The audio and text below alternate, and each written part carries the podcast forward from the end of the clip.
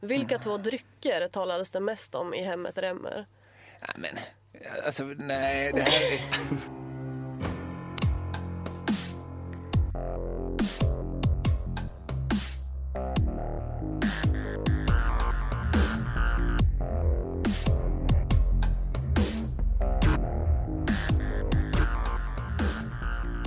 Ja, välkommen till Rederiet-podden, avsnitt 28. Yes. Är det 28? Ja, det är 28.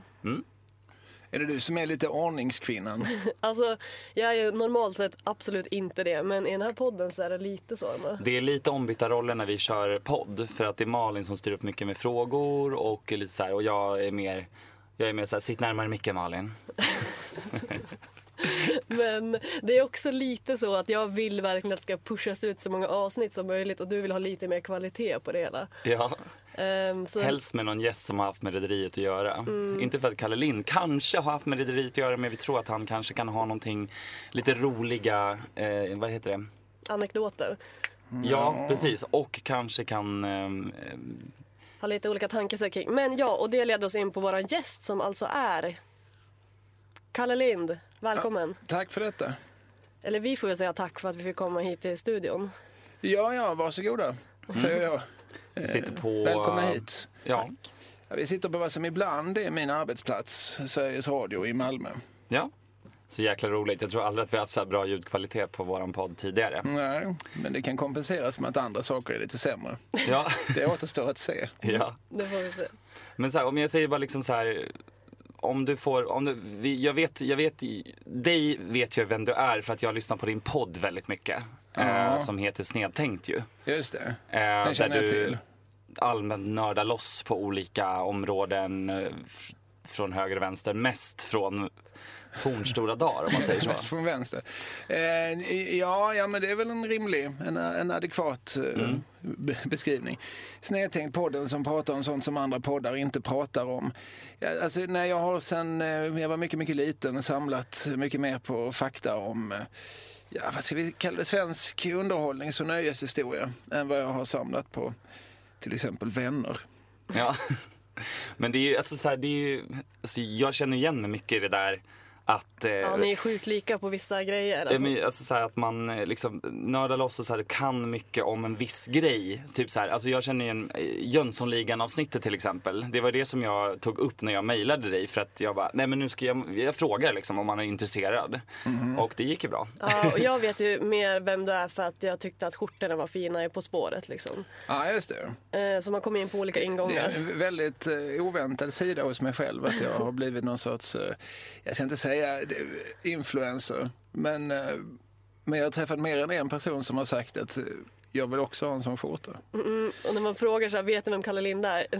Han med skjortorna, ni vet matskjortorna. Då är det vissa Just som... det. Ja, det, ja, det var en ren slump. Jag var i i San Francisco förra sommaren och eh, då vill min familj gå in i olika klädbutiker, vilket jag tycker är det kanske tråkigaste som finns. Men jag följde med in i den här för att eh, trottoaren utanför var inte heller så himla kul. Och då hittade jag två skjortor som faktiskt passar mig. Ett av skälen till att jag inte gillar att gå i vintagebutiker är att det finns aldrig min storlek. Jag är alldeles för fyrkantig och, och eh, sned och vinn. Eh, Men då hittade jag två skjortor, en med tacos och en med eh, Chinese takeaway. Och det var väl lite kul att ha sådana. Och, eh, och sen så bestämde jag mig för att jag skulle ha, ha dem med På spåret och så gick vi vidare. Ja, men nu har jag ju haft två matskjortor, nu, nu får jag ju skaffa fler. Så då satte jag en, en väninna som är sömmerska på att sy. eh, Så att, så att Oh. eh, min eh, donutskjorta och min kaffeskjorta är alltså helt unika. Specialdesignad för dig helt Mm, enkelt. mm. Gud vad roligt. Eh, men Malin, jag tänkte att du får Ja. riva igång med eh, det som vi faktiskt är här för att prata Ja. med eh, denna härliga Våra man om. ytterst seriösa frågor. Vi börjar med om du såg på Rederiet när det gick på TV. Ja, det gjorde jag från och med kanske säsong två och sen rätt många säsonger framåt. Men jag vet att jag såg inte de sista kanske tre säsongerna någonting.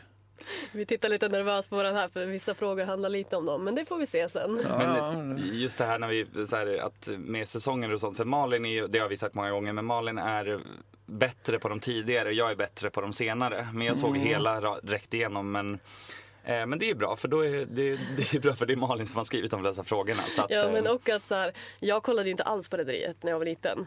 Eh, det var ju Fredrik som fick in mig på det. Eh, så jag liksom började i senare hand och nu har jag ju sett det flera, flera gånger och kan ha det på i bakgrunden bara.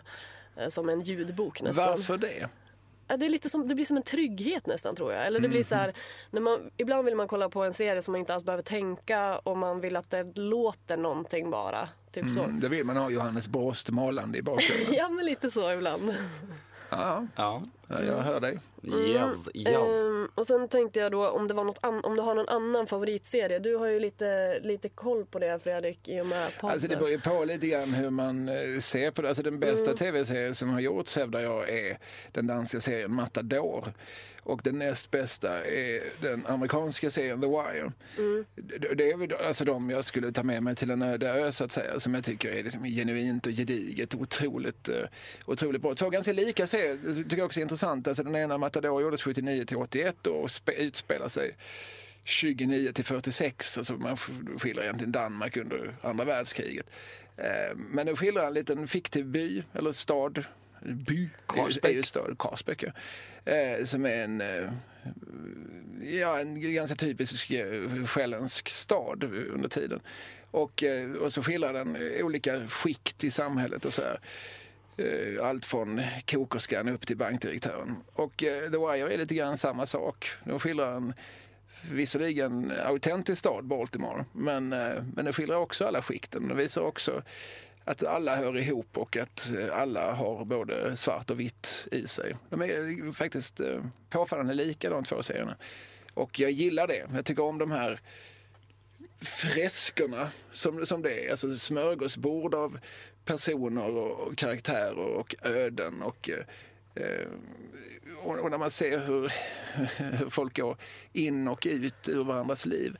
Jag skulle säga att jag tycker det är ett ganska eh, ett ganska rättvisande sätt att skildra världen.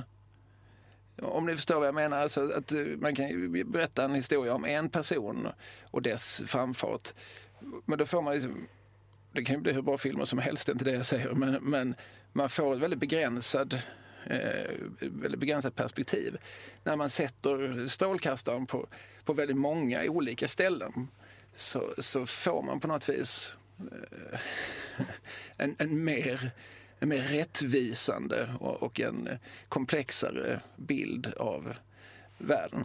Och, och Rederiet, eh, eh, alltså jag, jag tyckte kanske inte Rederiet var så gräsligt bra alla gånger. Det fanns väl lite underhållningsvärde och sådär. Men, men även den, alltså den svenska såpatraditionen från varuhuset och, och framåt i alla fall har ju den här ambitionen. Man hittar en arena där det finns både högt Ja, det, är, och lågt. det är verkligen liksom så här från, som du sa, det här från eh, kök, kokerskan upp till eh, Direktören. överklassen typ. Så här. Ja. Och det är ju verkligen Gustav i maskin upp till Reidar Dahlén. Är ju så här, och så det som är emellan där liksom. Ja, det där är ju högt, högst medvetet av eh, Peter Emanuel Falk. Ja. Jag måste bara fråga, för när man ser de här olika ödena och personerna så har du ändrat liksom uppfattning? Jag antar att du kanske också har sett de här serierna ett antal gånger eller så. För många av karaktärerna i Rederiet har jag liksom vissa hatat och sen börjat gilla eftersom. Ja, alltså så fungerar det ju i... eh, Om man tittar på eh, Matador, The Wire, som också utspelar sig över tid. Vad är. The Wire? Berätta, vad, jag har aldrig Och sett The det. Wire, det är en fullkomligt eh, enastående serie. Alltså den, en man som heter David Simon som från början är journalist på Baltimore Sun. Han skrev på 80-talet redan tror jag en, väldigt ambitiös reportagebok som hette Homicide som blev underlaget till en, en då nyskapande tv-serie som kanske gjordes för CBS eller så, som hette Homicide. Som också utspelar sig i Baltimore och som en kille som heter Tom Fontana skrev. Den är Tom Fontana, han skrev sen tv-serien Oz för HBO som också är en storartad serie i fängelsemiljö. Medan David Simon också för HBO utvecklade det som heter The Wire. Den handlar om eh, den handlar om Baltimore. Den handlar, alltså, det är, de sätter fog, alltså det, från början, eh, så själva kärnan i berättelse, berättelsen är en polisutredning. Ett gäng snutar ska, ska utreda ett gäng gangster gangstrar från de, de svarta, the projects, alltså från miljö, motsvarande miljonprogramsområdena. Och så kan man då redan från början sätta fokus på, på på båda de här, alltså även strukturellt, alltså även inom, inom den lilla gruppen snutar så finns det ju en hierarki och en komplexitet och även inom den lilla gruppen gangstrar så finns det de som, de som vill, de som tror på detta, de som tvekar, de som tvivlar, de som måste, de som har dragits dit av äventyrslusta, de som har dragits dit för att de inte kan någonting annat. Och, och man får verkligen liksom från första stund förstå detta att det finns vinnare, det finns förlorare, det finns offer, det finns gärningsmän. Och eh, den är då, den har sådär 40 huvudpersoner. Så det är som en den är liksom upplagd närmast som en, som en gammal rysk roman, och sådär, som Dostojevskij eller Tolstoj. Och sådär, som liksom ett myller av människor. Som, eh, där, där, där, ingen, man kan verkligen säga ingen är alltigenom god. Och eh, några är alltigenom onda. Men, man, får, man får även på något men det vis... behövs ju. Ja, men det, det, fina är väl ofta att man, man, man kan ha onda karaktärer eller onda figurer, onda personer. Men man ska ju förstå ondskan. Ja. Om, om, man ska, om det ska, här ska vara som en dramaturgi som jag har det minsta verklighetsanspråk. Eller, eh, jag menar, James, I James Bond kan ju man ju låta Blofeld bara vara liksom odelat ond. Alltså det är hans uppgift här. Det är att han, han är bara vansinnig. Han vill bara ta över världen till vilket pris som helst. Men i en serie som har de minsta realistiska ambitioner.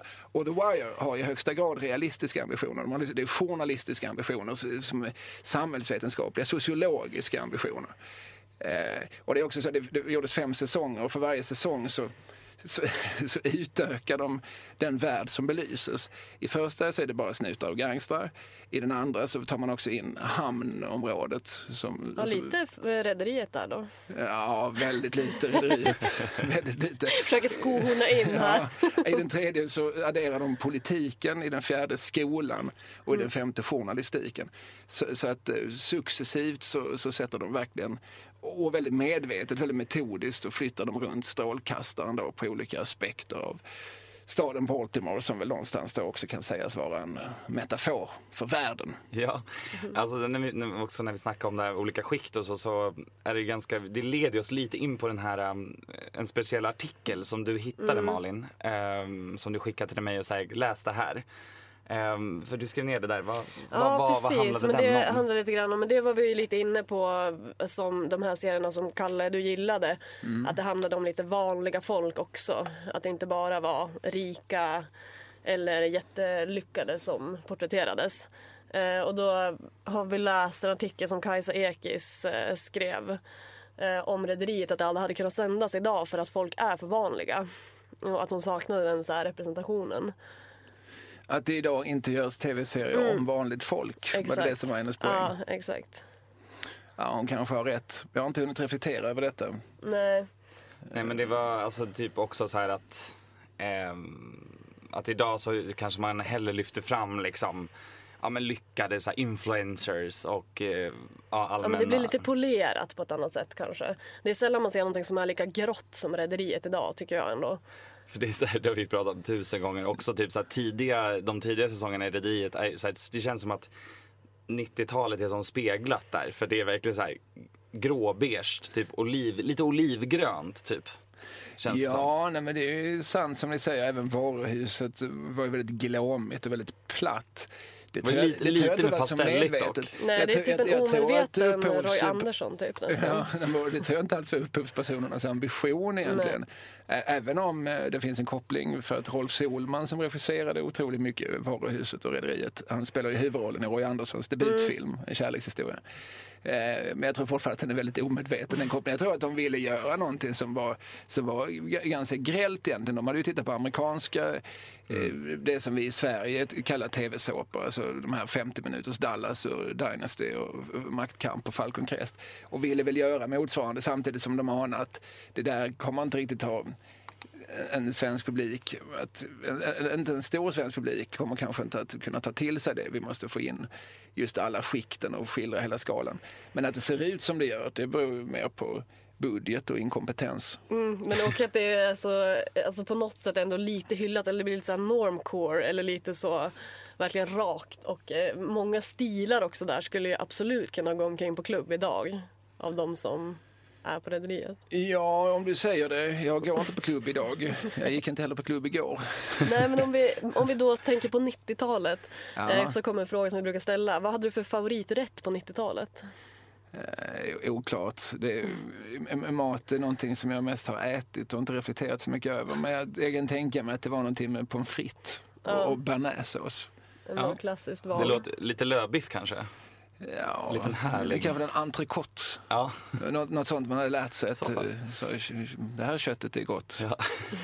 Ja, men ska vi gå in på några andra frågor om Rederiet? Är Ja. du redo för? För jag känner mig sjukt peppad nu för nu märker jag så du har ju faktiskt sett Rederiet mer än vad jag, jag visste liksom inte hur mycket du hade sett av det för att jag har ju bara lyssnat på det här såpavsnittet i Snedtänkt och då går ni igenom många olika serier, svenska serier mest. Ja, man kan säga så här att jag, jag såg, eh, alltså den allra första, man, man brukar säga att Lösa förbindelser som kom 85, att det var den första svenska såpan. Åtminstone den första uttalade svenska såpan. Det har gjorts dramaserier efter samma principer tidigare. Men här, här, här var det så här, vi, vi ska bygga det här eh, myllret med många eh, parallella bågar och med eh, många olika personer och må, många olika författare. Även det var liksom lite, lite banbrytande sådär. Så, så gjorde man inte traditionellt dramaserie i Sverige tidigare.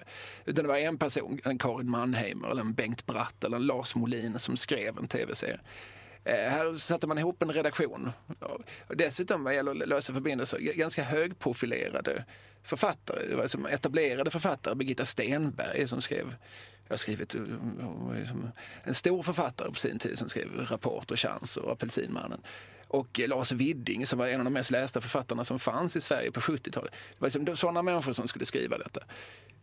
Sen insåg man att Lösa förbindelser fick bara en säsong och ett av skälen var nog att den, den skildrar egentligen bara ett skikt. Ja. Den handlar om konstnärer och konsthandlare och eh, eh, människor med väldigt stark libido i Stockholms eh, övre medelklass. Och när man sen gör varuhuset så, så hittar man medvetet en arena där man får med eh, lagret. Eh, Alltså man kan ju liksom titta på huset, det är verkligen från källarbotten där lagret befinner sig upp till ovanvåningen där direktionsrummet ligger. Och så alla våningar däremellan. Men det är någonting också så med typ som, jag, jag vet att jag försökte liksom kolla på lösa förbindelser för att så här, bara, ge det en chans liksom för att det var en gammal svensk såpa men så här, alltså mitt intresse var så här, För Mm. Ja, men de hade liksom inte är- riktigt hittat, eh, hittat grejen. För, sen, för det gör de sen med varuhuset som är den som kommer därefter. Och parallellt med varuhuset så kommer också en som heter Goda grannar. Ja, Som är mer, alltså om varuhuset då är mer ja amerikansk. den, det är det, är det här höghus, det här, Ja, det är ett hyreshus i just Vasastan. just det. Eh, den, är, den är mer efter någon slags brittisk modell. Det är så här halvtimmes avsnitt. Det är ganska puttrigt och mysigt och lite kul. Alltså, det handlar om väldigt banala vardagliga saker. Gärna att kanske att en katt har sprungit bort eller att... Det är ingen voodoo direkt. Nej, det är Den väldigt känns ju långt lite mer ifrån sit, det. sit, lite typ sitcom. Alltså lite grann Ja, fast eh, utan den här skrattande Anna- publiken. Anna-Karin Typ. Wyndham som, som var min samtalspartner i Snedtänkt-avsnittet om svenska tv-såpor. Hon, hon sa det också. Jag har inte tänkt på det så, men det kan man väl absolut göra. Det, det, det är ju en brittisk tradition. Det finns ju i, i Storbritannien en serie som heter Coronation Street, en som heter eh, EastEnders och en som heter Emmerdale. Emmerdale gick på svenska och hette Hem till gården. Exakt. Och det är det här liksom oerhört lilla. Alltså redan, du ser det redan i att det bara är då 28 minuter. Det är liksom inte det breda 50 minuters upplägget utan det är 28 minuter. Det är väldigt vardagligt. Man går till puben, man bråkar med sin fru. Man, man, Typ så här Twin Peaks utan intriger eller konstiga saker. ja, Har du, se, har du sett det Goda Grann, eller vad heter det, Goda Grannar? Goda grannar. Ja. Har du sett Nej, det jag har Malin? inte gjort det. Tror Det du är jag typ skulle som, gilla för det är det? i botten, ja, alltså jag, jag är osäker men vi kan ju kolla på det någon gång. Mm. Ja, idag så tycker jag att det är mest roligt för att se hur olika skådespelare Ja. som breakar serien, Lennart Jäkel och Peter Dalle och, Mm. och så hade sina det. debutroller. Eh, Eller tidiga roller i alla fall. Och sen är det också intressant att, att liksom se Vasastan på 80-talet. Att det, här, det fanns ett hyreshus där det bodde alla sorters människor från alla möjliga socioekonomiska grupper i Vasastan på 80-talet. Ja. För det gör det inte idag. Nej, Eh, det är mer lattemammor liksom. ja, Och precis. lattefarsor. Och sen så gjorde man där, sen kom en som hette Det var då som, som eh, ja, Med Carina Lidbom. Bland annat. Ja, och Birgitta Söndergård Ja. och eh, en tredje kvinna som jag glömt namnet på.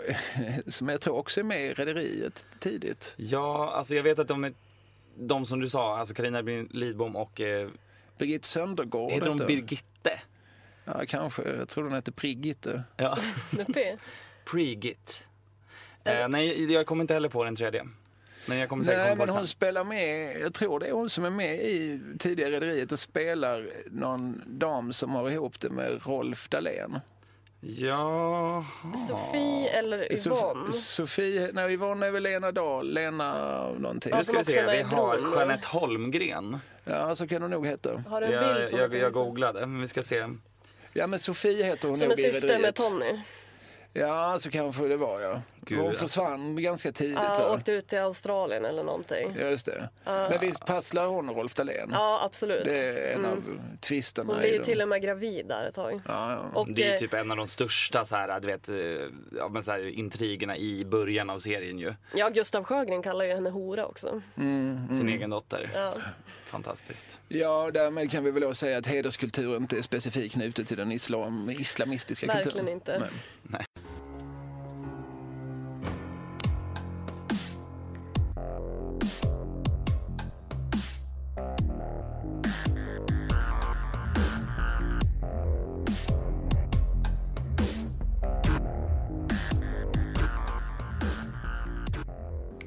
Men eh, ja, men vi kör på med lite frågor då. Ja, nu ska det grillas. Vissa kan vara svårare än andra.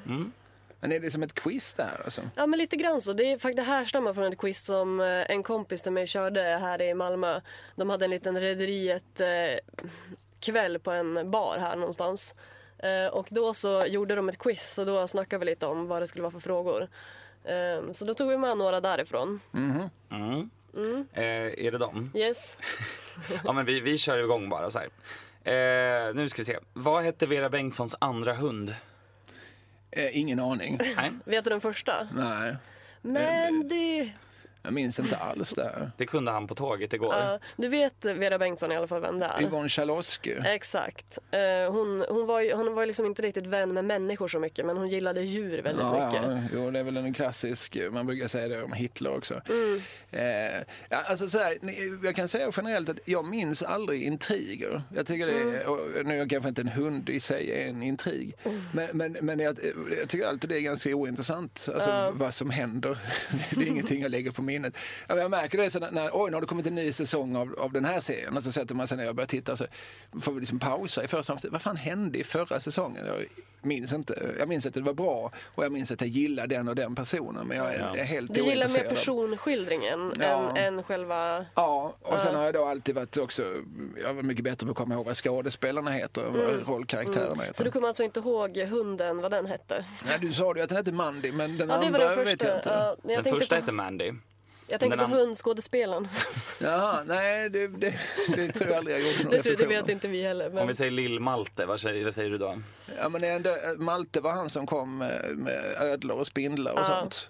Och som hon var lite förtjust i på något sätt. Eh, exakt. Förbarma sig över. Nej, det var, han, det var mer han som var kär i henne och då, jag tror att de låg någon gång under serien också. Ja, ja. Men det ville hon absolut inte kännas av, kännas vid efteråt. Nej, men typ. då ger han en, en present, en hundvalp och då döper hon den till Lill-Malte. Ja, Ja. ja. Men jag tror, var det inte så att han, när han dör så tar hon över den där hundvalpen? så kanske det var. Jag Han tror landade ju ner något hisschakt där när han håller på att leta efter någon orm eller vad det är. Ja, och där lämnar vi Malte. Ja. Eh, nu ska vi se, den andra frågan är vad avnjuter Reidar i sin ensamhet på julafton? För- Förmodligen någonting som har med spårvagnar och tåg att göra. Ja, det skulle det absolut kunna vara. Den skulle kunna stått en liten sån här leksaksspårvagn i förgrunden. Ja, Ja, vi tänkte- såg framför mig någon slags modelljärnväg eller så. Men det är mer någonting som man kan inta. Jaha. Ja, vad kan... Varmkorv? Att, Ja. de, att, de, att de gör en kul grej av att han, den stora överklasspatriarken äter någonting väldigt folkligt. Nej, jag vet inte. Alltså det är ändå, du är ändå inne på rätt spår för det, är så här, det är inte det, så här, men det är lite pås-te. Ja. För att Beatrice har flytt fältet för att hon har ledsnat på att han aldrig sätter eh, äktenskapet i första rum. Så Så hon har sitter ensam på jul. Men däremot så finns en annan scen Henrik Bjurhed som också är lite så här direktör upp, uppsatt. Han eh, bjuder eh, Renate på korv i regnet. Så det finns ju en sån scen. Apropå korv. Ja, han vill bjuda alla sina ragg på korv. Ja. Eh, nu ska vi se, vill du ta nästa Malin? Mm. Vad- Bjurhed försvinner lite grann ur bilden, men han, för han är lite påläggskall från början. Ja, Och. Han är lite intrigant och sådär. Och, och, eh, Han, Han håller, kommer ju från ett annat företag från början och så här. Vet du vad, Bjurhed verkar bra. ja, han försöker sabotera. Han använder ju bland annat Mikael Persbrandt. mm, Eh. I en av sina absolut första tv-roller. Exakt, och han får ju vara en liten sån insider som planterar bomb på Freja och eh, Ja. Bjurhed pressar honom på pengar och sådär. Hette han Ola? Den- Ola Simonsson, Ja, just det. Mm. Exakt. mycket bra. Ja, Eh, Margareta Lager, kommer du ihåg henne? Page, brunt hår. Ja, men nu är vi nog ganska långt fram i serien. va? Ja, hon var med ganska mycket men eh, ja, det är inte men är så hon från Remmer, Remmer Nej, inte Remmer. Det är hon, hon är... en hemmafru som, eh, som får jobb på Freja. Och sen eh, hon kommer även upp sig så hon går liksom från hemmafru till kapten ett tag. Ja, Men, Nej, men hur är hennes relation till Georg Lager? Hon gifte sig med honom. Det är därför hon blev Lager? Exakt. Okej. Eh, och då är alltså frågan. Vad heter skådespelerskan? Alltså jag, jag sitter och bara, Ja, vi- Eva. Vi har ju Eh, haft en intervju med henne och, ja. jag, och jag fick Nej, eh, men. hjärnsläpp nu här. Jag fick också totalt hjärnsläpp. Ja, men hon... Hon, jag vet, hon heter, heter hon inte Eva? Jo. Ja, det är en bra början. Ja. Men det är svårt att hitta henne på Ratsit. Ja, precis. Det kommer bli så fult om vi ska försöka klippa in det här också med vårt mobilljud hemma i inspelningen. Eva, Ja, här får ni stå med skammen. ja nu Ja. får vi skämmas lite här. Men hon kommer alltid vara Margareta Lager för oss. Okej. Vad vad- vad var är frågan frågan? om Margareta Lager? Frågan var, vad får Margareta att skratta igen när hon har gått in i en smärre depression? Nej, jag vet ju inte. Det är en helt omöjlig fråga som jag inte ens minns människan i fråga. En pruttkudde! Ja, Mm. Lite sitcom ändå. Ja. ja. Men du pratar ju om Remmer, du kanske kan den här frågan. Vilka två drycker talades det mest om i hemmet Remmer? ja men, alltså nej, det här är... Alltså jag tror, eh, helt ärligt, om, om Rederiet hade gått nu och jag hade sett det senaste avsnittet, då hade jag kanske kunnat den frågan. Men jag, det är ingenting jag på något vis skulle lagt på Det minnet. gör ingenting. Nej, ringer några klockor när du hör Chateau Neuf de Pape eller rysk champagne? Nej. Alltså jag, jag, alltså jag har ju talat om dryckerna, men, men eh, nej, ja, men jag eh, Remmer, det är väl i slutet som de blir Mm. huvudfienden. Det är någonstans i senare mitten. Lite Ja. efter mitten typ. Ja, men där någonstans börjar jag nog avveckla mitt intresse för Rederiet. Mm. Eh, jag minns inte riktigt varför. Jag, jag, det dök väl upp någonting annat. i- Vi, vi skulle kunna köra lite snabba, snabba... Ja, alltså jag tänkte så här. Eh, vi kan namedroppa olika karaktärer. Så får du säga det första du tänker på. När, det första som kommer upp när vi säger karaktärsnamnet. Mm. Då Och det vi kan se. ju vara ingenting då om det... Risken finns. Ingenting, ingenting, ingenting. Ja, där var vi klara. Och då var jag klar med det. Eh, nu ska vi se då. Ett, två, tre. Beatrice. Ja, Gabby Stenberg, hon var ju en enormt stor operettstjärna på Malmö Stadsteater på 50-60-talet. Spelade Glada änkan i Ingmar Bergmans regi som var en, eh, som så här, i, många decennier oöverträffad publiksuccé. Och jag tror dessutom det var så här att den, när den, den kom, han satte upp den kanske 54 eller så. Sen eh, först 86 så, så slå, slås Glada änkans rekord av en föreställning som hette La Cache au Foll med Jan Malmsjö. Ja, det var där Jan. Malmsjö sjöng Vår bästa tid är nu. Och jag tror att Gabi Stenberg gjorde comeback på Malmö Stadsteater när hon gjorde den. Så hon har spelat med i Malmö, det som numera är Malmö Opera då, alltså det som var musikteaterscen i Malmö. Eh, Jag tror att hon var med i de två största succéerna som överhuvudtaget fanns. I Älskar Malmö. henne i Fröken April. Göran Genteles eh, Fröken April. Ja, alltså den med ehm, Ja, ha, has, nej, det är inte Lena. Garnhagen. Ja, det, är inte, Ja. det är inte Hasse Ekman, men det, det, det skulle kunna vara gjord av Hasse Ekman. Men, Ja. det, men det var en annan regissör som hette Göran Gentele som var en stor operaregissör som Mm. eh, också gjorde lite film och som eh, jag tror skulle bli chef för eh, Metropolitan. Ja, Men dog i en bilolycka. det handlar ju typ om någon så här, en, ban- en bankdirektör som råkar hamna fel. Typ han på någon audition och sjunger Helan går och så får han rollen i någon så här operett typ. Och då är Gabby Stenberg är någon operadiva som är jättesvartsjuk för att den här unga tjejen, skitsamma, skitsamma. Mm. Men ändå intressant med lite backstory. Jätteroligt, jätteroligt. Ja, nej men eh, så, så att det är väl det jag tänker när jag säger, när vi säger Beatrice. Sen tänker jag också på Elinor och hennes tvillingsyster. Ja. För det är ju roligt det greppet. Alltså, när, när jag var ung så pratades det mycket om, om eh, Dallas då, om, om hur Patrick Duffy, alltså Bobby Ewing, blir, dör och sen så är han död i flera säsonger. Sen så dippar Dallas, drar inte in så mycket publik. Vad, vad, vad saknar vi? Vad var det folk verkligen älskar? Ja, de älskar ju Bobby Ewing. Kan vi inte ta tillbaka honom då? Nej, men han är ju död. Ja, men kan vi inte bara säga att det var en dröm då? Jo, och så gör de det. Så att en dag stiger han, i ett avsnitt så stiger han ut ur duschen. Och sen ja. visar det sig att två, tre säsonger har varit en dröm.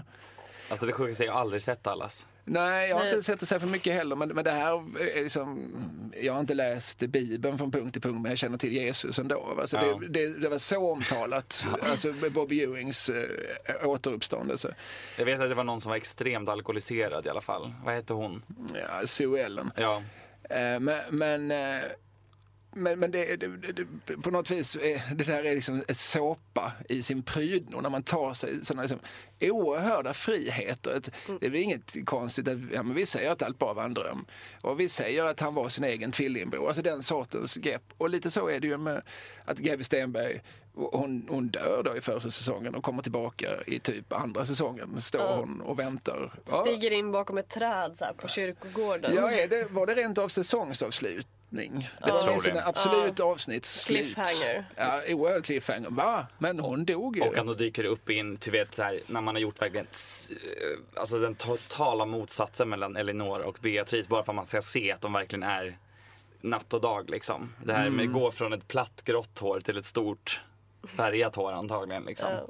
Skitsamma, men nu vi går vidare till nästa. Jag tänker att vi namedroppar Mickey.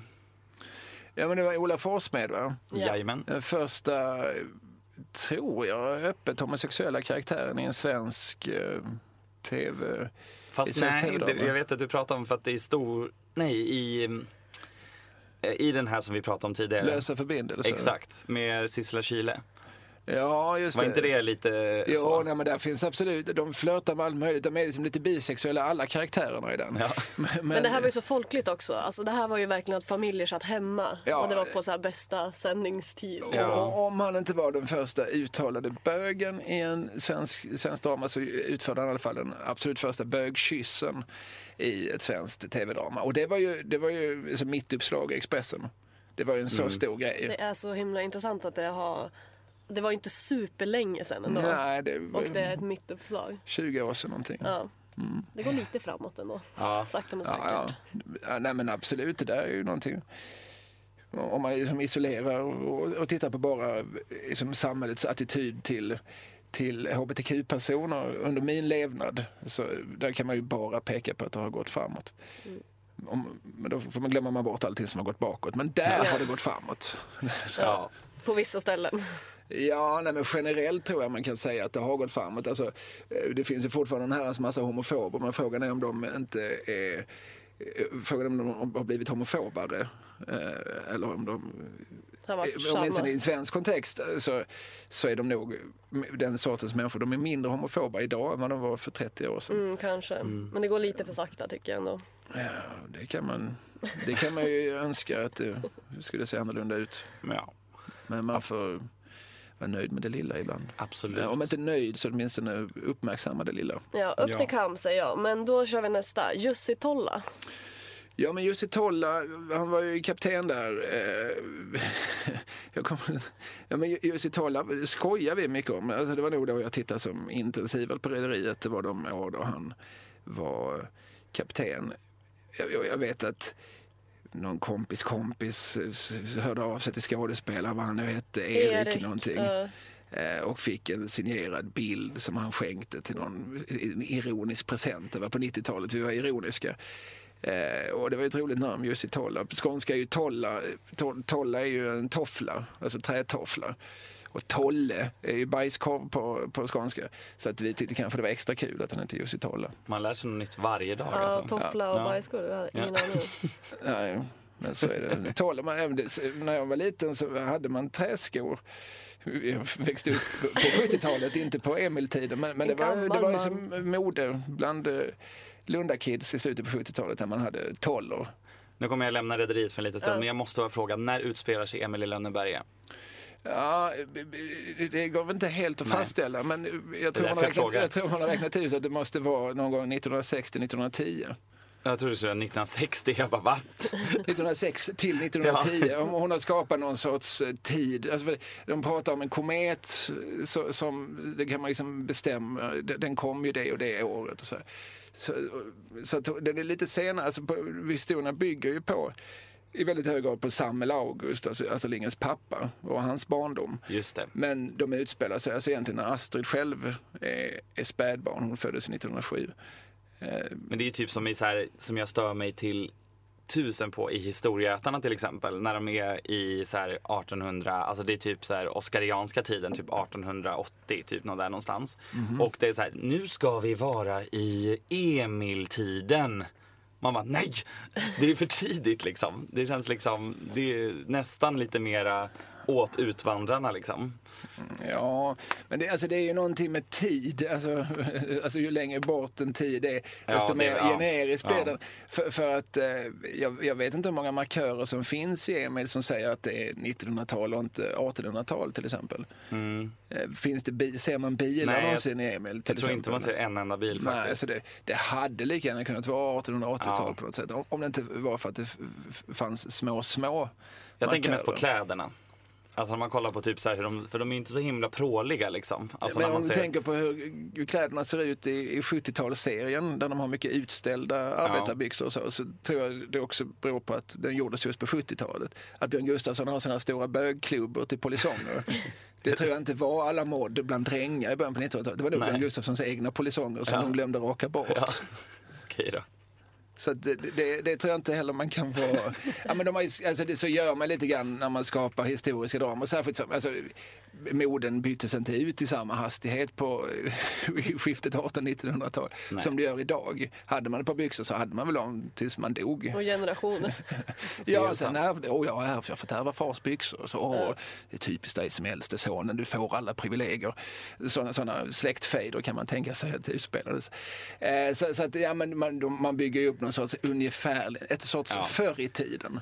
Det är helt sant. Men, men jag tror att jag läst någonstans att, eh, att det finns någon markör som säger att det här bör vara 1906 och någon annan att det bör vara 1910. Det vill säga att den utspelas på den tiden. In, eh, till, fram och tillbaka under de fyra åren. Under de fyra åren så är Emil lika gammal. Ja, precis. Eh, vi, vi tar en till liten name drop. Radar Junior. Radar. Ja, alltså som eh, vuxen eller halvvuxen så spelade han Måns Nathanaelsson som, som var ganska mycket i ropet där eh, på 90-talet. Han var också sen med i någon av de här varje dag-såporna, jag tror det var Vita lögner kanske, Ja, i, det var i det. TV3. Ja. Eh, Men det var ju en annan pojke som spelade honom i de första säsongerna. Det är en sån skådespelare som byttes ut. Precis. Eh. Både Lina Dahlén och Radar Junior bytte ju. Fick andra, eller det var andra som tog över rollen. Ja, och det där är verkligen standard även i Matador som jag nämnde som är en serie skulle jag säga med högre ambitionsnivå än, än Rederiet. Man, man- måste ju göra så. Alltså vi, vi, vi ska ju bläddra framåt i tiden här. Men, men det, det är ju lite konstigt. Men alltså hellre det än- så innan. Hellre det än när de byter liksom rakt av som i både Game of Thrones och i typ Skilda Världar. Att man så här byter rakt av. Nu! När Jessica Sandén en morgon plötsligt ser ut som Nina Gunke. Men det var väl typ, för jag kommer ihåg att man var så här, man blev så här, varför har de gjort henne så helt olik? Varför kunde de inte tagit någon, tagit någon som var li, mer lik liksom? Men då hade de ju så här, alltså om vi ska byta ut henne så gör vi det att det blir en helt ny karaktär. Så de som är lång och blond från de som var kort och brunhårig typ. Att de, Ja, alltså det där är också en sån typisk såpa-grej som man ju inte skulle acceptera om det var en eh, drama med, med hög ambitionsnivå. Jag visste inte att de gjort det i Game of Thrones. Jag har aldrig sett Game of Thrones, men jag har ju förstått att, eh, att folk eh, anser det vara bra. Men, men eh, men, men, ja, men det är en, en typisk ett sånt, sånt grepp som vissa då tycker att det här är tecknet på att det här är uselt och andra tycker att det är det här som är charmen. Att man tillåter sig. Att, alltså, och att man, i, I Tre Kronor som ju var TV4s eh, konkurrent till Rederiet under ett antal år. Där tog de in ganska mycket övernaturliga fenomen. Och så. De, de låg med ufos och eller med, med rymdgubbar och, eh, och det är väl lite så, det är väl lite voodoo just i religiet. Ja, precis. Och, och det, det tycker ju, jag blev ju, jag klarar inte av det, mitt anala sinne, nu, nu är det jobbigt. Men andra tycker det här, det här det är det här som är det roliga, det finns liksom ingen, inget tak. Alltså vad som helst kan ju verkligen hända, Ja, så kan man ju precis. se det. Men, Ja. men man tappar ju lite ibland intresset kanske. Ja men när ufon tas in då, då, då, då är Ja, inte jag det med blir lite längre. grann en Det annan lite- serie. Alltså, Okej, nu, nu överenskommelse med publiken. Plötsligt så, okej, nu rev ni bara kontraktet och, och eh, sa nu är det det här som gäller. Men det kan ju också vara när de byter, alltså i Rederiet, att det finns så många olika som skriver. Ja, men det finns ju samtidigt en, en, en huvudredaktör och Mm. eh, någon sorts eh, innersta kärna som, som, som någonstans eh, är ideologen och, och, och redaktören och huvudansvarig. Nej, men det var, de, det var nog så att man vid olika manuskonferenser sa, "Ja, men vi, vad, vad är vi nytt? Har vi inte testat allt? Ska vi testa det här? Vi testar, vi, vi, vi gör så här, vi låter Uno gå med i en sekt. Så ser vi vad som händer. Han kanske har lite övernaturliga krafter, han kanske kan hila. Vi kanske testar. kan gå på vatten. Ja, precis. Vi testar och sen så vi löper de heller aldrig riktigt li- hela linan ut för att de märker att det är liksom lite svårt att låta en tråd i ett sånt myller av händelser. Och sen ska det liksom matchas med, med ganska banala, triviala, att Joker letar en tjej där eller att någon bråkar med sin, med, med sin man där. Då blir det liksom lite konstigt att det tredje spåret är att det, att det är någon går runt och helar folk. För hade det hänt på riktigt så hade det liksom tagit allt fokus från alla människor. Som, Men Uno får ju bli utsatt för ganska mycket test. Han Ja. har ju sjukt många olika grejer som händer just honom. Ja, men, ja, Uno är ju väldigt intressant som, som karaktär. Hans W Kronqvist hette han. Jag vet inte så mycket om honom. Jag tror inte han gjorde så mycket film just. Men han rörde sig nog på olika så här, Stockholmsscener. Eh, han visar sig ju ha en... Och det tycker jag också att man märker att, att manusförfattarna upptäcker eh, efter några säsonger att det här Hans Kronqvist, han, han, är, han är ganska kul. Han är ganska bra på att leverera Hette han Kronqvist? Nej, han Kronlund. Uno Kronqvist karaktären. Hans W Engström hette, ja, hette, precis. Mm. hette eh, Som för övrigt bytte efternamn efter någon säsong. Jag tänker hämta lite vatten, men fortsätt. Ja, nej, men I början av serien så hette han Uno Kronstedt. Ser man på några av skyltarna. Sen efter liksom någon säsong så byter det till Uno Kronqvist istället. Jaha.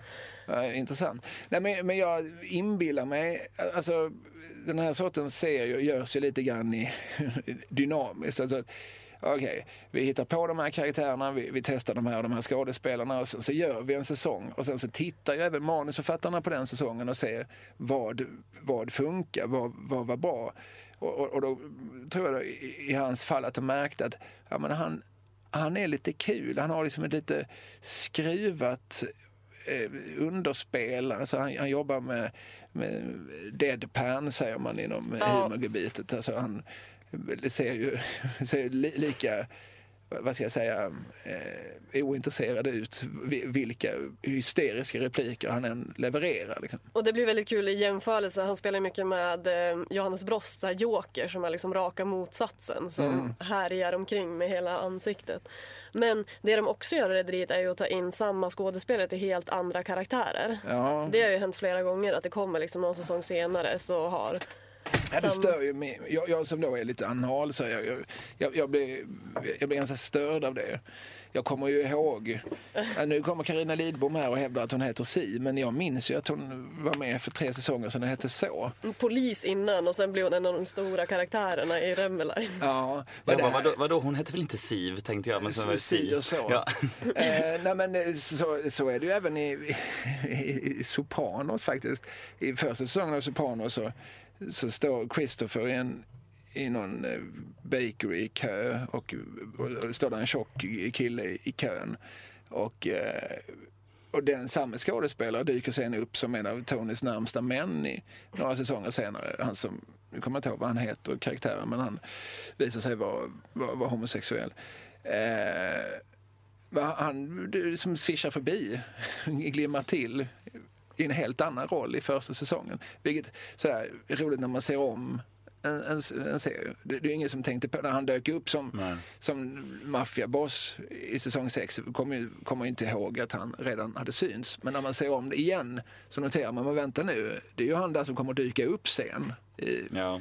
Ja, men det är grejer som vi har missat som så här, lyssnare har hört av sig till oss. Så har ni sett att Anja Remmer jobbade i liksom, nere i kallskänken som sen också blir en jättestor. Som vi har ju sett det hur många gånger som helst men man kollar inte med ögat just där eller så. Så det dyker upp nya saker hela tiden. Ja.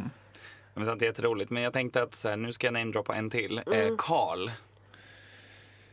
Bengt Bauler. Bau. Eh, ja, precis.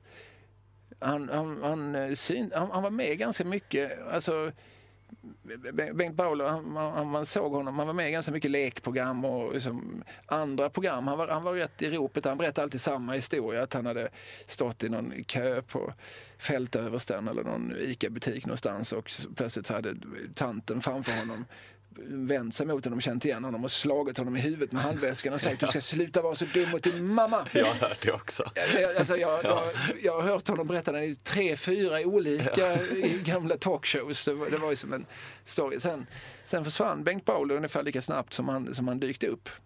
Ja. och, och det där gäller ganska många som, som, som var med i de där serierna.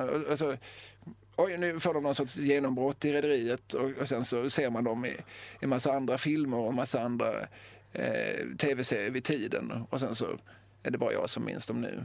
Cecilia Ljung som spelar en av Kim Anderssons döttrar. Hon, Ja. Mm.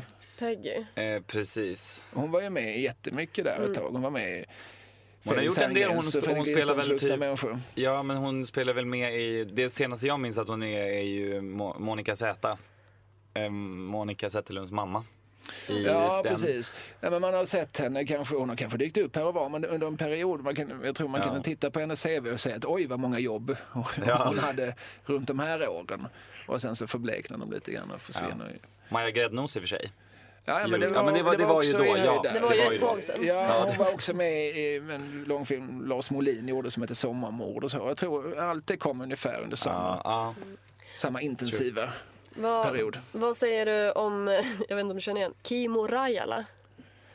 Eh, men det är väl en stuntman? Ja, exakt. Det är väl inget trollkaraktärsnamn? Alltså, Nej. Nej, men i Sverige hade vi, när jag var liten så fanns det liksom en stuntman i Sverige. Han hette Johan Thorén. Han eh, var ganska ofta med i tv och berättade om olika stunts och visade hur man gjorde och så här. Och hur man gjorde olika filmtricks i, i James Bond-filmer och sånt. Och eh, när han syns i, i Mannen på taket från 76 så ser man att det är han som är helikopterföraren som, som sen blir skjuten. Och, men sen blev han gammal och sen var liksom nästa, den, den, den ständige stuntmannen. Om man, som jag då är liksom lite intresserad av filmindustrin och så här. Om man, om man läser lite branschlitteratur och så här utan att egentligen vara inne i branschen. Nu är jag det lite grann men, men, men verkligen vara i periferin.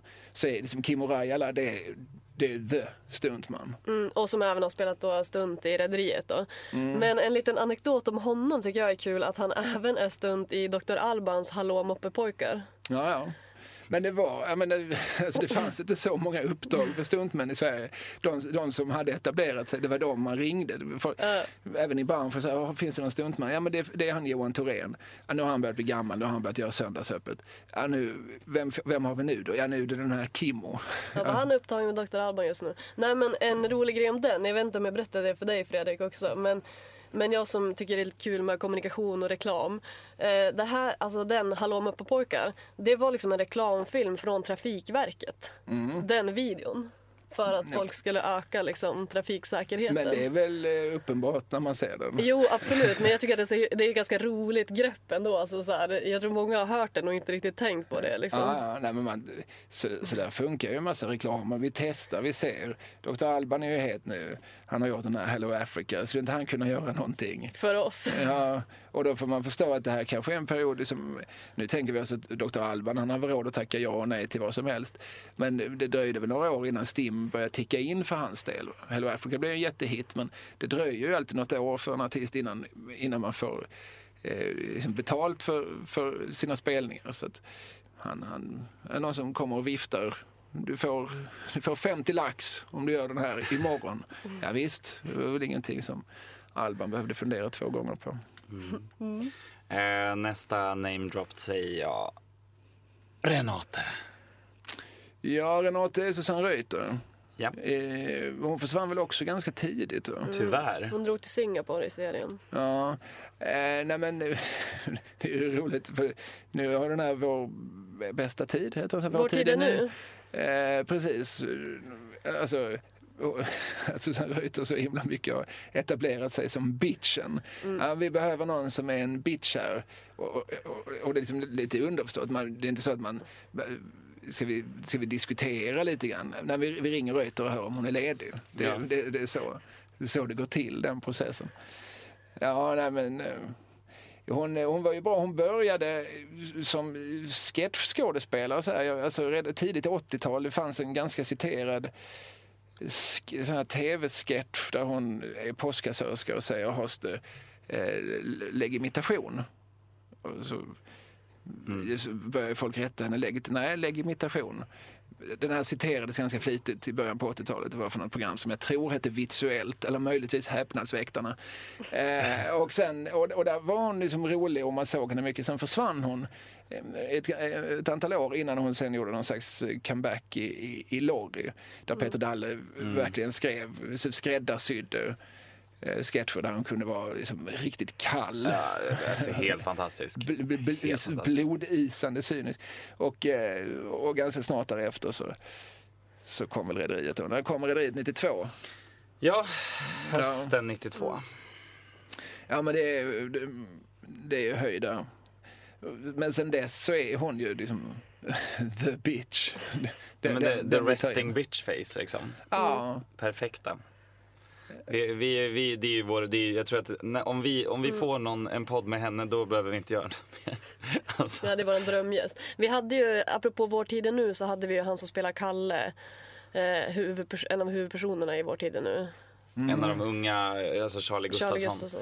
Ja. ja, jag har faktiskt inte sett Vår tid nu. Mm, han bara- Vet du, vet vem han spelar i Rederiet? Nej. Han spelar eh, Lille-Ragnar. Som är Rebecca Dahléns eh, äldsta son. Alltså de är ju, han var barnskådis. Ja, ja, ja. Eh, som även är son till eh, Bjurhed. ja, ja. Ja. Allting hänger ihop. Jo. Allting hänger ihop på ett eller annat sätt. Jag Ja. tänker att Joker är lite för tråkig men jag säger bara Nikolaj. Vem var Nikolaj? Jag minns inte Nikolaj. För det är senare i serien. Men vad är, vem är Nikolaj? Remmer. Remlund heter han för att han Ja. har bytt namn från Remmer. Han som var hacker. Aha. Nej, där, jag vet inte varför. Som sagt, jag, mitt intresse för Rederiet plötsligt eh, dalade. Men mm, för mig var ju, alltså, om jag tänker på liksom superskurken i Rederiet så är det ju Per Silver jag tänker på. Så Peter Harrison, en sn- en snaggad Peter Harrison. Ja. Jag minns jag brukar reta min lillebror som är född 85, alltså som då måste varit i åttaårsåldern och säga att han var oäkta son till Per Silver. Att vi hade hittat, Per Silver hade ställt honom i en låda på, på Sten Stenssons stentrappan i Eslöv att vi hade plockat upp honom där. Ja, men, eh, eh, och Peter Harrison, eh, det är också så här, han var ju väldigt etablerad och jag visste ju jätteväl vem han var för att han hade liksom dykt upp i massor med biroller och gjort jätte, han hade dubbat oerhört mycket, alltså redan på 70 80-talet. Ja. Men eh, där, eh, efter, efter, efter den rederiet så fick han ju jobb i, gjorde Så ska det låta och, och blev en, en mycket mer liksom, folkligt bekant än vad han varit dessförinnan. Så det, det, är det är lite intressant med alltså, eller Gösta Priselius som spelar Reidar. Han hade ju liksom en 40-årig, väldigt framgångsrik Ja. Eh, som tv, inte, inte så mycket tv utan framförallt teaterkaraktär. Han gjorde ju Bageras röst, det är väl det mest välbekanta. Eh, men, men sen gör han, får han den rollen. Eller Bert-Åke Varg för den delen som, som ju verkligen, alltså han, han, har, han har slitit hund eller slitit varg ge- genom, genom livet. Men så, så får han rollen som Gustaf Sjögren och det är den det, det var det han kom att minnas för. Nu vet jag inte hur många vi är som minns ens den. Men han har gjort så sjukt mycket röster också. Ja, just det. Bland annat Penty-varg i Fablernas värld. Och B2 i Bananer i pyjamas. Ja, just det. Men det är också Peter Harrison i Bananer i pyjamas. Är han också en banan? Ja, ja, jag tror nästan Ja, det han kanske är det. de. Per Silver och Gustav i Maskin. Ja, det ska du nog ta och kolla upp. För Ja. det, jag tror jag har hört Peter Harrison i Mm. Bananer i pyjamas. Det är mycket Tintin också. Bert-Åke Varg, ja. Ja, mycket Tintin.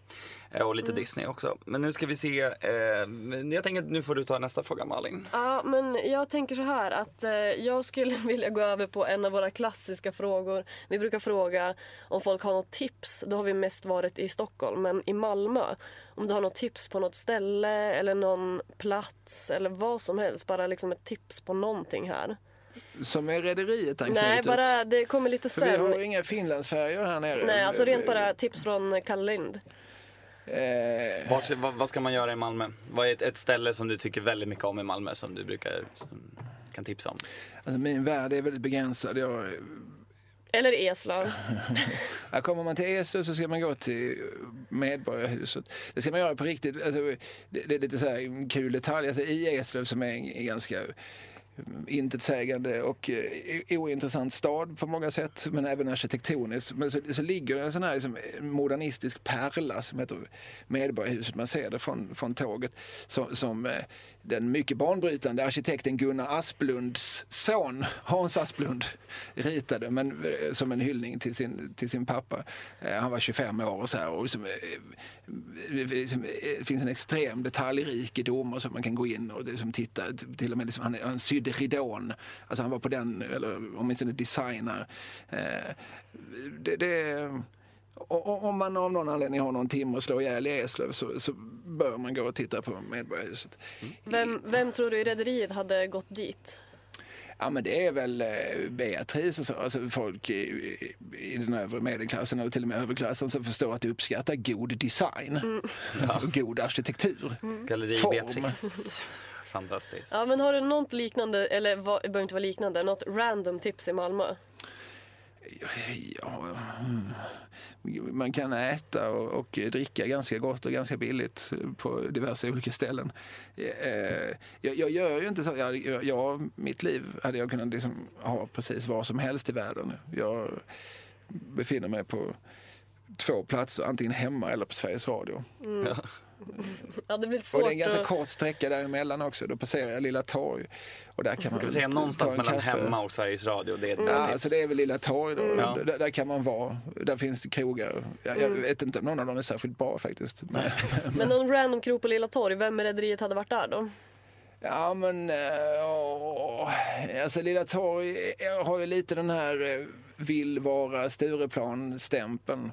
Det är ju som det lite, lite snofsigare Ja, jag Malmö. vet, nu, jag har varit där. Speciellt nu när det är kommer jag på- soligt, Jag vet precis vilka eh, du menar. Ja, jämfört med då, om, om då Möllan Det är är motsvarande. Liksom, om Möllan är fulsöder så är Lilla Torg fulstureplan på något sätt. Mm. Mycket hårdraget för att det finns inte så mycket. Det går liksom inte att fylla ett, ens ett litet torg i Malmö med, med brats. Om Mm. Ja, men någon liten wannabe-stek i Rederiet då? Bjurhed är väl för stekig? Typ Reidar Junior. men hade han nu varit i Malmö, det är väl ändå Mm. dit han hade fått ta sig. Mm, så det kanske blir Bjurhed. Ja, ja, När han in- säger det. När han inte är på korvkiosken och försöker flirta med Renate. Ja, just det, men det liksom. finns en ganska bra, det finns inte så mycket korvkiosker, det är mer falafellerier då. Men, men Mm. Då kan han gå Shawarma dit. Mm. King ligger sen på Stortorget. Det är, är bra att äta om man har varit ute sent på, Mm, och vill på flirta med Renates. Ja. Yes. ja. Sen har vi en eh, weird fråga som egentligen inte alls är weird men vi ställer den på ett konstigt sätt. Var i Sverige skulle du vilja åka med Freja? Fågelvägen går bra. Alltså, något ställe jag skulle vilja se i Sverige. Jag, jag skulle vilja se norra Sverige. Jag, jag har ju som bott hela mitt liv i, i, i sydspetsen och är väldigt eh, desorienterad om man kommer liksom norr om Helsingborg egentligen. Eh, så att jag hade gärna sett fjällvärlden, jag hade gärna sett eh, Höga Kusten, jag hade gärna sett Dalarna. Jag, jag, alltså, För min del hade Freja kunnat få gå rätt mycket var som helst. ja, men det är inte helt fel. Vågar man fråga om det är ditt riktiga skägg? Ja, men- Du har inte så mycket hår. Så vi, vi brukar ju också en sån här fråga där vi alltid säger, är det ditt riktiga hår? Eh, det är varken, eh, både hår och skägg är alldeles för riktigt. Ja. Det hade varit, eh, alltså, om det här hade varit köpehår så, så borde jag ju få pengarna tillbaks. Och det är samma med skägget fan med. Vilken, ve- vem, vem skåd, vilken skådespelare tycker du vi borde ha med som gäst? I Rederiet? Ja, nej, i podden. I, i podden, men en Rederiet skådespelare. Ja, helst då. Ja, men det är ju en intressant fråga för att det var ju de som, alltså det är väl, eh, vad hette han? Kenneth någonting? Alltså Tony Sjögren? Ja, Kenneth Söderman, han har vi försökt men han vill ju verkligen inte liksom sammankopplas med rederiet these days. Det är Tyvärr. väldigt intressant för att det är det enda han är sammankopplad med. Ja. Om han kommer till podden och Men berättar där, om något alltså, annat kanske. för det där är ju intressant. Alltså, Johannes Brost som vi var han var ju en extremt etablerad skådespelare. Mm. Han fann med i varenda film som gjordes i Sverige på, på 80-talet och sådär. Och, och var med i Gäster med gester och hade egna, eh, något som heter Nöjeskompaniet. Säg hej till publiken ihop med Per Eggers eh, och sånt där. Han, han, han, var ju, han var ju redan enormt etablerad. Och sen så tackar jag till Rederiet och tycker att det här är, det är jävligt skönt det här livet för att man kan jobba 8 till 5, man, man har lediga kvällar. Eh, och, och, sådär. och sen så märker han eh, allt eftersom att men nu får jag inga andra jobb. Nu, nu är jag, som ju ändå var alltså, en av ganska få rederiet skådespelare som, som vi redan visste vem det var. Det var ju han och Bert-Åke Varg i princip. Och Susanne Reuter. Eh, nu får inte jag jobb. Eh, och, och tänk då hur det var för, för, för Tony Sjögren som, Ja. som ju, han var väl med från början till slutet och var väldigt, liksom, var väldigt, väldigt förknippad med rederiet. Det är många som tänker på alltså, Tony när man tänker på rederiet. Ja, och honom har jag ju aldrig sett därefter överhuvudtaget. Nej. Någonstans. Eh, Vi vet att han hyr ut en stuga, det är det enda vi vet. Ja, ja. ja men, Han är lite utanför där jag, jag är från Uppsala så han är utifrån eh, Östhammar som ligger utanför. ja, ja, ja. Ut mot, eh, ut mot skärgården. Östhammar, där spelades just Lars Molins första tv-drama Badjävlar in. Nej, Öregrund. Är det Öregrund? Ja. Men ligger inte det väldigt Det nära är, ganska, det är väl ganska nära varandra. Östhammar ligger mer inåt. För jag undrar om inte Östhammar på något vis nämns. Ja, det kanske i- det gör i och för sig. Du vet säkert mer om det än jag. Nej, det gör jag ju Men jag vet, att det, jag vet precis vart, vart de spelar in på en balkong i Öregrund. Ja, Som ja. är ut mot eh, vattnet. Okej. Väldigt mysig stad. Men om man Liten inte stad. skulle få Tony då, vem, vem skulle vi då satsa på? Nej, men ja, det är väl Yvonne Charlotte då. Ja, Ja, alltså det, det vore ju sjukt roligt. jag har döpt min hund efter Vera Bengtsson så Ja, det borde Men hon var ju med, det gjordes en sån här Svenska TV-favoriter, en sån här halvtimmesprogram som Ja. Bengt Strömberg uppe i Umeå eh, gör. Eh, och då var det väl hon och eh, Camilla Andreasson som skrev en massa Rederiet, Mm. som bor här i Skåne. Camilla Bor- Ahlgren. Nej, Camilla Ahlgren heter hon, Ja. förlåt, jag känner henne, vi har uh, samarbetat. Men nu, Jag kallar blandar- henne för Camilla. Jag blandar ihop henne med en, en, en annan kvinna jag känner som, ja Camilla Ahlgren, ja precis, hon var väl med där också. Ja, vi hade... Han som vi, har skrivit Bron ihop med Hans Rosenfeldt. Precis, vi Hans hade henne i en vi ha. podd också. Ja, vi har ju pratat med Camilla men inte med Hans. Nej, det kanske vore ju sjukt Hans. roligt också. Jag tänker ju bara på Parlamentet. När jag tänker på honom. Och han har även i och för sig varit statist också. I, han har ju spelat någon så här eh, polis i Rederiet också. Hans Rosenfeldt. Han har gjort ganska mycket, det är en ganska intressant eh, eh, personlighet. Han var liksom med i Nationalteatern på 80-talet och spelade räkare tillsammans med Lasse Brandeby. Till exempel. Eh, nej men, eh, men, men Charlotte är väl också någon som är väldigt starkt förknippad med sin roll i den tv-serien. Alltså, Ken, Ken Ring var ju med i något avsnitt. Ja, det, det kan man ju såklart prata om. Jag anar att Ken inte har så, mycket, så många konkreta minnen från sin rederiet-tid. Kanske inte. Men Peter Lemark är väl också statist tror jag. Så det kan man ju såklart. Ja. Eh, kan man ju fråga honom, hur var det att vara statist? Ja. Jo, det var väl helt okej. Sen är den podden Och sen är här. Ja. Ja, men det blir ändå skönt för lyssnarna, slipper de. Ja, slipper de där envetna babblandet. Ja, Nej men gud, det är Ja, tusen tack för att vi fick ha dig som gäst. ja, tack för att ni ville ha mig med. Ja, det är klart, absolut. Mm. Så himla roligt. Nu är det lite selfie-time och sen så ska du få eh, fortsätta att vandra mellan Sveriges Radio och ditt eget hem. Tack för detta. Ja, gud vad Ha det roligt. så bra. Hej. Ha det bra. Hej, hej. Ja, men Renate, vad är det? Hur mår du? Jag mår bra, jag mår utmärkt. Jag har aldrig mått bättre. Ja, men kära barn. Ska du inte vila lite? Jag tänker flytta härifrån, pappa. Jag tänker flytta långt härifrån. Men Renate. Jag tänker ta det till punkt nu också. Jag älskar dig så mycket, pappa. Jag står inte ut med att den ena efter den andra kommer hit och utnyttjar dig. Det här är inget hem längre. För det här är ett första klassens hotell med andra klassens gäster bestående av så kallade nya familjemedlemmar.